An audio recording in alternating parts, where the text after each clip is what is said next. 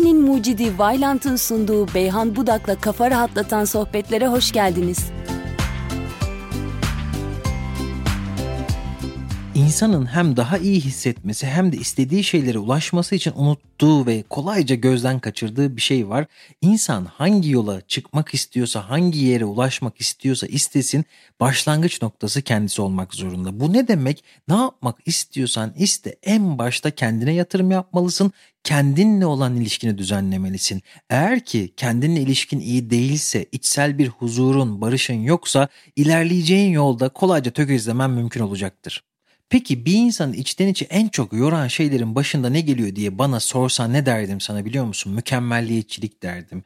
Mükemmelliyetçilik dediğimiz zaman aslında e, günümüzün dünyasında, günümüzün modern dünyasında şöyle bir algı var. Sanki başarılı olmak için her şeyi mükemmel yapmak zorundaymışız gibi, eksiksiz, kusursuz ve hatasız olmak zorundaymışız gibi bir algı var. Ama ben şöyle bir şeyle karşılaşıyorum. Karşılaştığım vakalarda zaten teoride de pratikte de bir insanın yaptığı işte mükemmel olması mümkün değil. Mükemmel olmak o eski çizgi filmlerde atın ya da eşeğin önünde bir sopayla tutulan havucu yakalamak gibi ne yaparsak yapalım, hangi çabayı ortaya koyarsak koyalım her zaman eksik kalan bir şey vardır. Peki bu gerçeğe rağmen aslında çok da zeki olabilen insanlar neden mükemmel olmak uğruna kendini heba ediyor, kendini çok yıpratıyor? İşte burada genelde geçmişte yaşadığımız şeylerle alakalı bir durum olabilir. Kimi insanın annesi babası yetiştiği ortam birazcık mükemmelliyetçilikle sevgiyi bağdaştırmış olabilir. Kişi kendi içinde şöyle hisseder. Diğer insanların beni sevmesi için, diğer insanların bana saygı göstermesi için ben mükemmel olmalıyım. Yani aslında mükemmel olmaya çabalamak yaptığımız işle ya da kendimizle alakalı değildir. Mükemmel olmaya çalışmanın kökeninde genelde diğer insanların takdirini kazanmak vardır. Çünkü bir insan neden o ortamın en iyisi olmak istesin ki? Yani en iyisi olmakla yaptığın işte iyi olmak arasında ciddi bir fark vardır. Yaptığın işte iyi olabilirsin ama en iyisi olmana gerek yoktur. En iyisi olmaya çalışırken gözden kaçırdığın bir şey oluyor ruh sağlığın. Buna kendini veriyorsun, yıpratıyorsun, yoruyorsun. O kadar çok ayrıntılarla boğuşuyorsun ki hayatın bütününü seni mutlu edecek, hayatını huzurlu bir şekilde geçirmeni sağlayacak detayları kaçırıyorsun. Bir de mükemmelliyetçilikle ilgili şöyle bir şey var. Genelde mükemmel olmaya çalışan insanlar resmin bütününü yani büyük resmi kaçırır ve küçük detaylarda o kadar çok uğraşırlar ki ama hayat genelde detaylar üzerine gitmez. Hayat genelde büyük resmi görenler, harekete geçenler noktasında ilerler. Bak etrafına belki de sen de mükemmelliyetçi bir insansın. Eğer böyle biriysen şunu yapacağım, bu da hazır olsun, şu da tamam olsun, her şey tamam olsun derken harekete geçmeyi bile unutabilirsin. Bir şekilde hayallerin, hedeflerin, ortaya koyacağın çabaların için her zaman tamamlanması gereken bir sürü ayrıntı vardır. Sen bu ayrıntıları düşünürken bir sürü insan atı alan Üsküdar'ı geçti derler ya tam olarak öyle olur. Ayrıntılarda boğulmak mükemmelliyetçiliğin en önemli özelliklerinden birisidir. Eğer böyle biriysen dedim ya bir yola çıkıyorsan kendinden yola çıkmalısın. İlk başta üzerine gitmen gereken şeylerden birisi bu mükemmelliyetçilikle baş etmektir. Mükemmelliyetçilikten bahsetmişken sana bir kuraldan, bir hayat prensibinden bahsetmek istiyorum. 80'e 20 kuralı. Aslında Pareto kuralı diye bilinen bu kural bir ekonomi prensibi. Temel olarak şunu iddia ediyor bize. Diyor ki dünyadaki servetin %80'i insanların nüfusun %20'sine ait. Dünyadaki yiyeceklerin %80'ini insanların %20'si tüketiyor.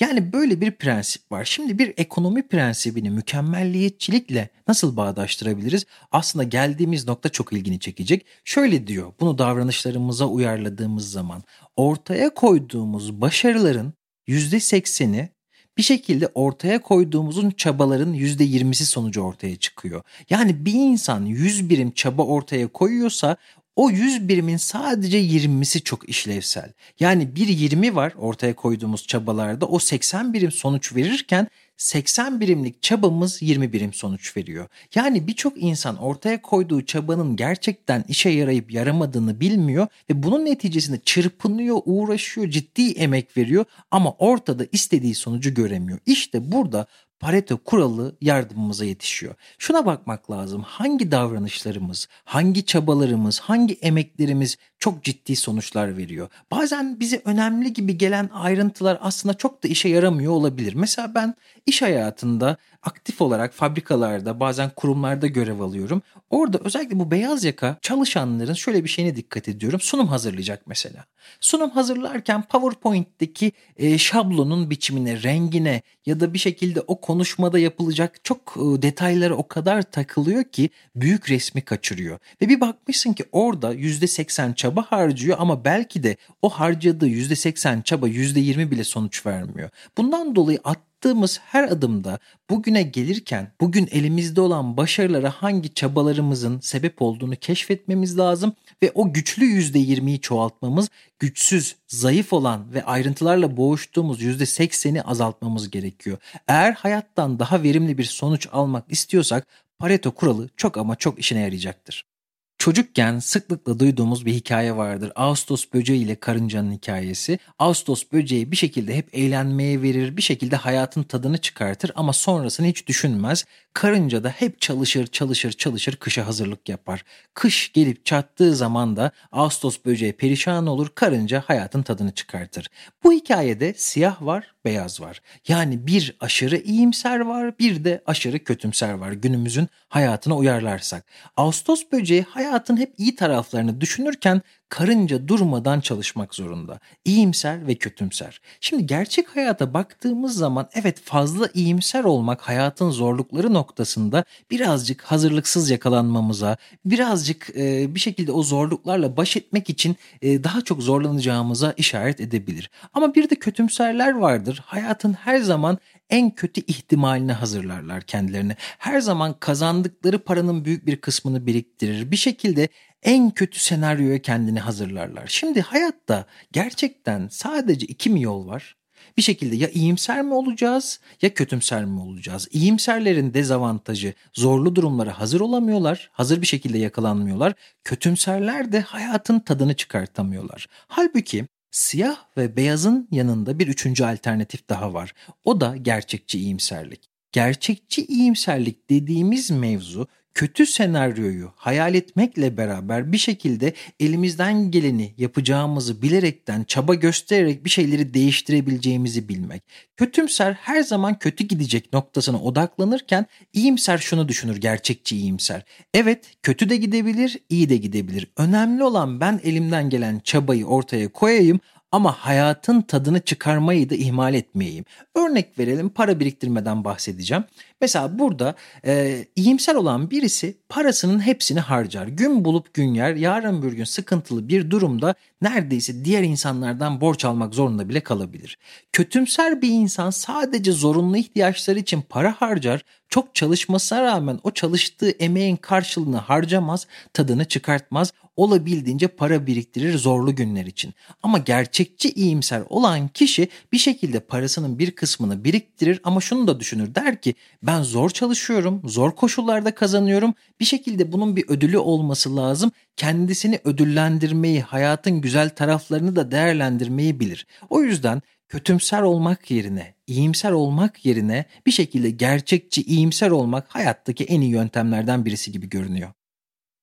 Birçok insan başarıya o kadar odaklanmış durumda ki sanki başarıdan başka bir seçenek yokmuş gibi. İşte böyle olunca zihnimizi, bedenimizi sadece başarıya odakladığımız zaman başarısızlık karşımıza çıktığı zaman insan afallıyor. Ya diyor ben bunu nasıl yaşayabilirim? Nasıl başarısız olabilirim? Halbuki başarı kadar hatta bence başarıdan daha fazla bir şekilde başarısızlık hayatın gerçeği. Başarısız ola ola öğreniyoruz. İnsan başarısız olduğu zaman eğer ki kendini suçlarsa, kendi kişiliğini küçümserse ve yetersiz olduğunu düşünürse şöyle bir sonuç ortaya çıkıyor. Her başarısız olduğunda sanki ağır bir kurşun yarası almış gibi oluyor. Ve böyle bir insan eğer ki başarısızlığını kişiliğine bağlıyorsa en fazla bir iki sefer başarısızlığa katlanabiliyor ve sonrasında diyor ki benden olmuyor. Ben yapamıyorum, ben başaramıyorum ve aslında yapabileceğinden çok daha azına razı oluyor. Ama bir insan başarısızlığını kendi kişiliğine bağlamıyorsa, kullandığı yönteme bağlıyorsa o zaman durum çok ama çok farklı oluyor. Diyor ki evet ben şu an başarısız oldum muhtemelen yanlış yöntemi denedim. Başka bir yöntem denersem başarılı olma ihtimalim var. İşte bu sebeple başarısız olduğun zamanlarda kendine acımasız davranmamalısın, kendine şefkat göstermelisin. Hatta başarısızlığa hakkın olduğunu da bilmek zorundasın. Başarısızlığına şefkat göster ki bir şekilde yeni başarılar için ciddi bir ruhsal enerjin olsun. Çünkü sen sana lazımsın. Bana psikoterapiye gelen birçok insanı ben yorgun savaşçı gibi görüyorum. Hayatın birçok problemi konusunda uğraşmış, çabalamış, savaşmış ama bir şekilde vazgeçmiş artık ve sonrasında kendini suçlamaya başlamış. Biraz önce olduğu gibi. Başarısızlık sadece iş konusunda değil, özel hayat konusunda, e, sosyal ilişkiler konusunda, bazen anne babalık konusunda bile olabiliyor. İnsan mücadele ettiği zaman dediğim gibi her zaman başarılı olma imkanı yok. Başarısızlık her zaman karşımıza çıkacak. İşte bunu bir problem gibi düşünebiliriz. Karşımıza çıkan problemler.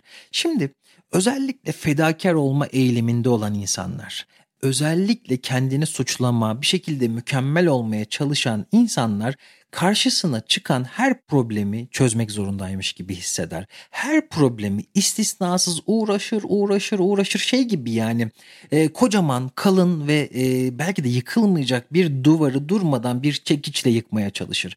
Evet bu yöntem belki bir çekici duvarı yıkmak için kullanmak bazı duvarlarda işe yarayabilir. Ancak bazı duvarlar çok güçlüdür. O an çözmek için elimizdeki çekiç yetmeyebilir. Ama insan dediğim gibi biraz fazla odaklanmışsa o problemleri çözmeye sanki her şeye gücü yetecekmiş gibi gelir. Ama şunu unutur insan. İnsan temelde aciz bir varlıktır. Her şeyi çözemez, her şeye gücü yetmez. Bazen sen ne yaparsan yap olmaz zamanı gelmemiştir. Bu sebeple karşına çıkan problemlerde şöyle bir strateji izlemen senin çok işine yarayacaktır. Eğer ki uğraşıyorsun, uğraşıyorsun olmuyorsa Bil ki o probleme şu an gücün yetmiyor. Karşılaştığın problemleri ikiye ayırabilirsin. Birincisi şu an bir şey yapabileceklerin, gücün yetebileceği, kontrol edebileceğin şeyler. Eğer ki sen enerjini bu kontrol edebileceğin problemlere ayırırsan, buna kanalize edersen ciddi bir başarı elde edebilirsin ve hayattaki o problemleri, çözebileceğin problemleri çözersin. Ama gücünün yetmeyeceği, senin kontrolün altında olmayan problemlere bütün enerjini verirsen gerçekte çözebileceğin problemleri bile çözemezsin. Bundan dolayı çözebileceklerine odaklan, çözemeyeceklerini bir şekilde senin elinde olmayanları ertele. Zamanı gelince belki onlara da gücün yetecektir.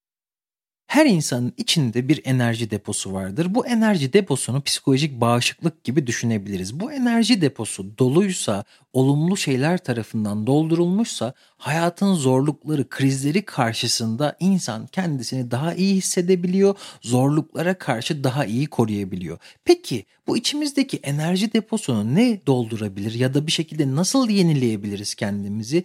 İki tane ana şey var. Birincisi hayatta bir amacımızın olması. Bu amaç illa kocaman büyük bir şey olmasına gerek yok. Dünyayı değiştirmene gerek yok. Yeni bir şey icat etmene gerek yok. Sadece sokaktaki hayvanları, üşüyen hayvanları beslemek, onlara barınak yapmak da bir hayat amacı olabilir aileni bir zorluğa uğratmadan yaşamını devam ettirmek, iyi evlatlar yetiştirmek de senin hayat amacın olabilir. Bir şekilde sabahları kendine koşmak için zaman ayırmak da senin için bir hayat amacı olabilir. Yani bir amacın varsa bir uğraşın varsa uğraştığın şeylerin sonucu seni mutlu edecek noktadaysa işte o zaman içindeki enerji deposu gerçekten kolayca dolabiliyor. Ama yetiyor mu? Hayır. Bir de yaşama sevinci dediğimiz şeyler var. Bunlar kendine ait özel zamanlarının olması, hobilerinin olması ve sağlıklı ilişkiler kurmak, dost ilişkileri kurabilmek. Etrafındaki bazen e, hayatta başarıya bir şekilde hep e, hedeflere yöneldiğimiz zaman şunu gözden kaçırıyoruz. Hayat sadece dikey ilerleme üzerine kazanılmaz. Elbette ki belli bir noktada daha iyi yerlere gelebilmemiz için dikey ilerleme önemlidir ama yatay ilerlemeyi asla bir şekilde ihmal etmememiz gerekiyor. Dikey ilerleme her zaman kazanmak, başarı noktasında bir hedef koymakken yatay ilerleme kendimizi o anın tadını çıkartacak şekilde geliştirmek. Sosyal ilişkiler kurmak, hobiler, spor vesaire sanatsal aktiviteler gibi şeylerdir. Bunları ihmal etmezsen ne oluyor biliyor musun? Yarın bir gün başına ne gelirse gelsin enerji depon, bağışıklık depon dolduğu için bir şekilde daha enerjin yüksek olacak. Her gelen darbe zirveyi daha güçlü bir şekilde atlatman mümkün olacaktır. Biraz önce söylediğim gibi güçlü olabileceğini de aciz olabileceğini de kabullenmen lazım. İnsan sadece güçlü olduğunu düşündüğü zaman güçsüz kaldığı yerlerde bir kişilik krizine girebiliyor. Halbuki dediğim gibi insanın güçlü olduğu yerler var, bir şekilde zayıf olduğu, aciz olduğu yerler var. Bence bir insanın, insanlık türünün en önemli gücü, bilinci, aklı. Bir insan nerede güçlü durması gerektiğini biliyorsa, nerede bir şekilde zayıf olduğunu bilip kabullenmesi gerektiğini keşfedebiliyorsa o insan gerçekten olgun insandır, güçlü insandır. Bunun farkına varabilmen dileğiyle. Beni dinlediğin için teşekkür ediyorum. Kendine çok iyi davran. Görüşmek üzere.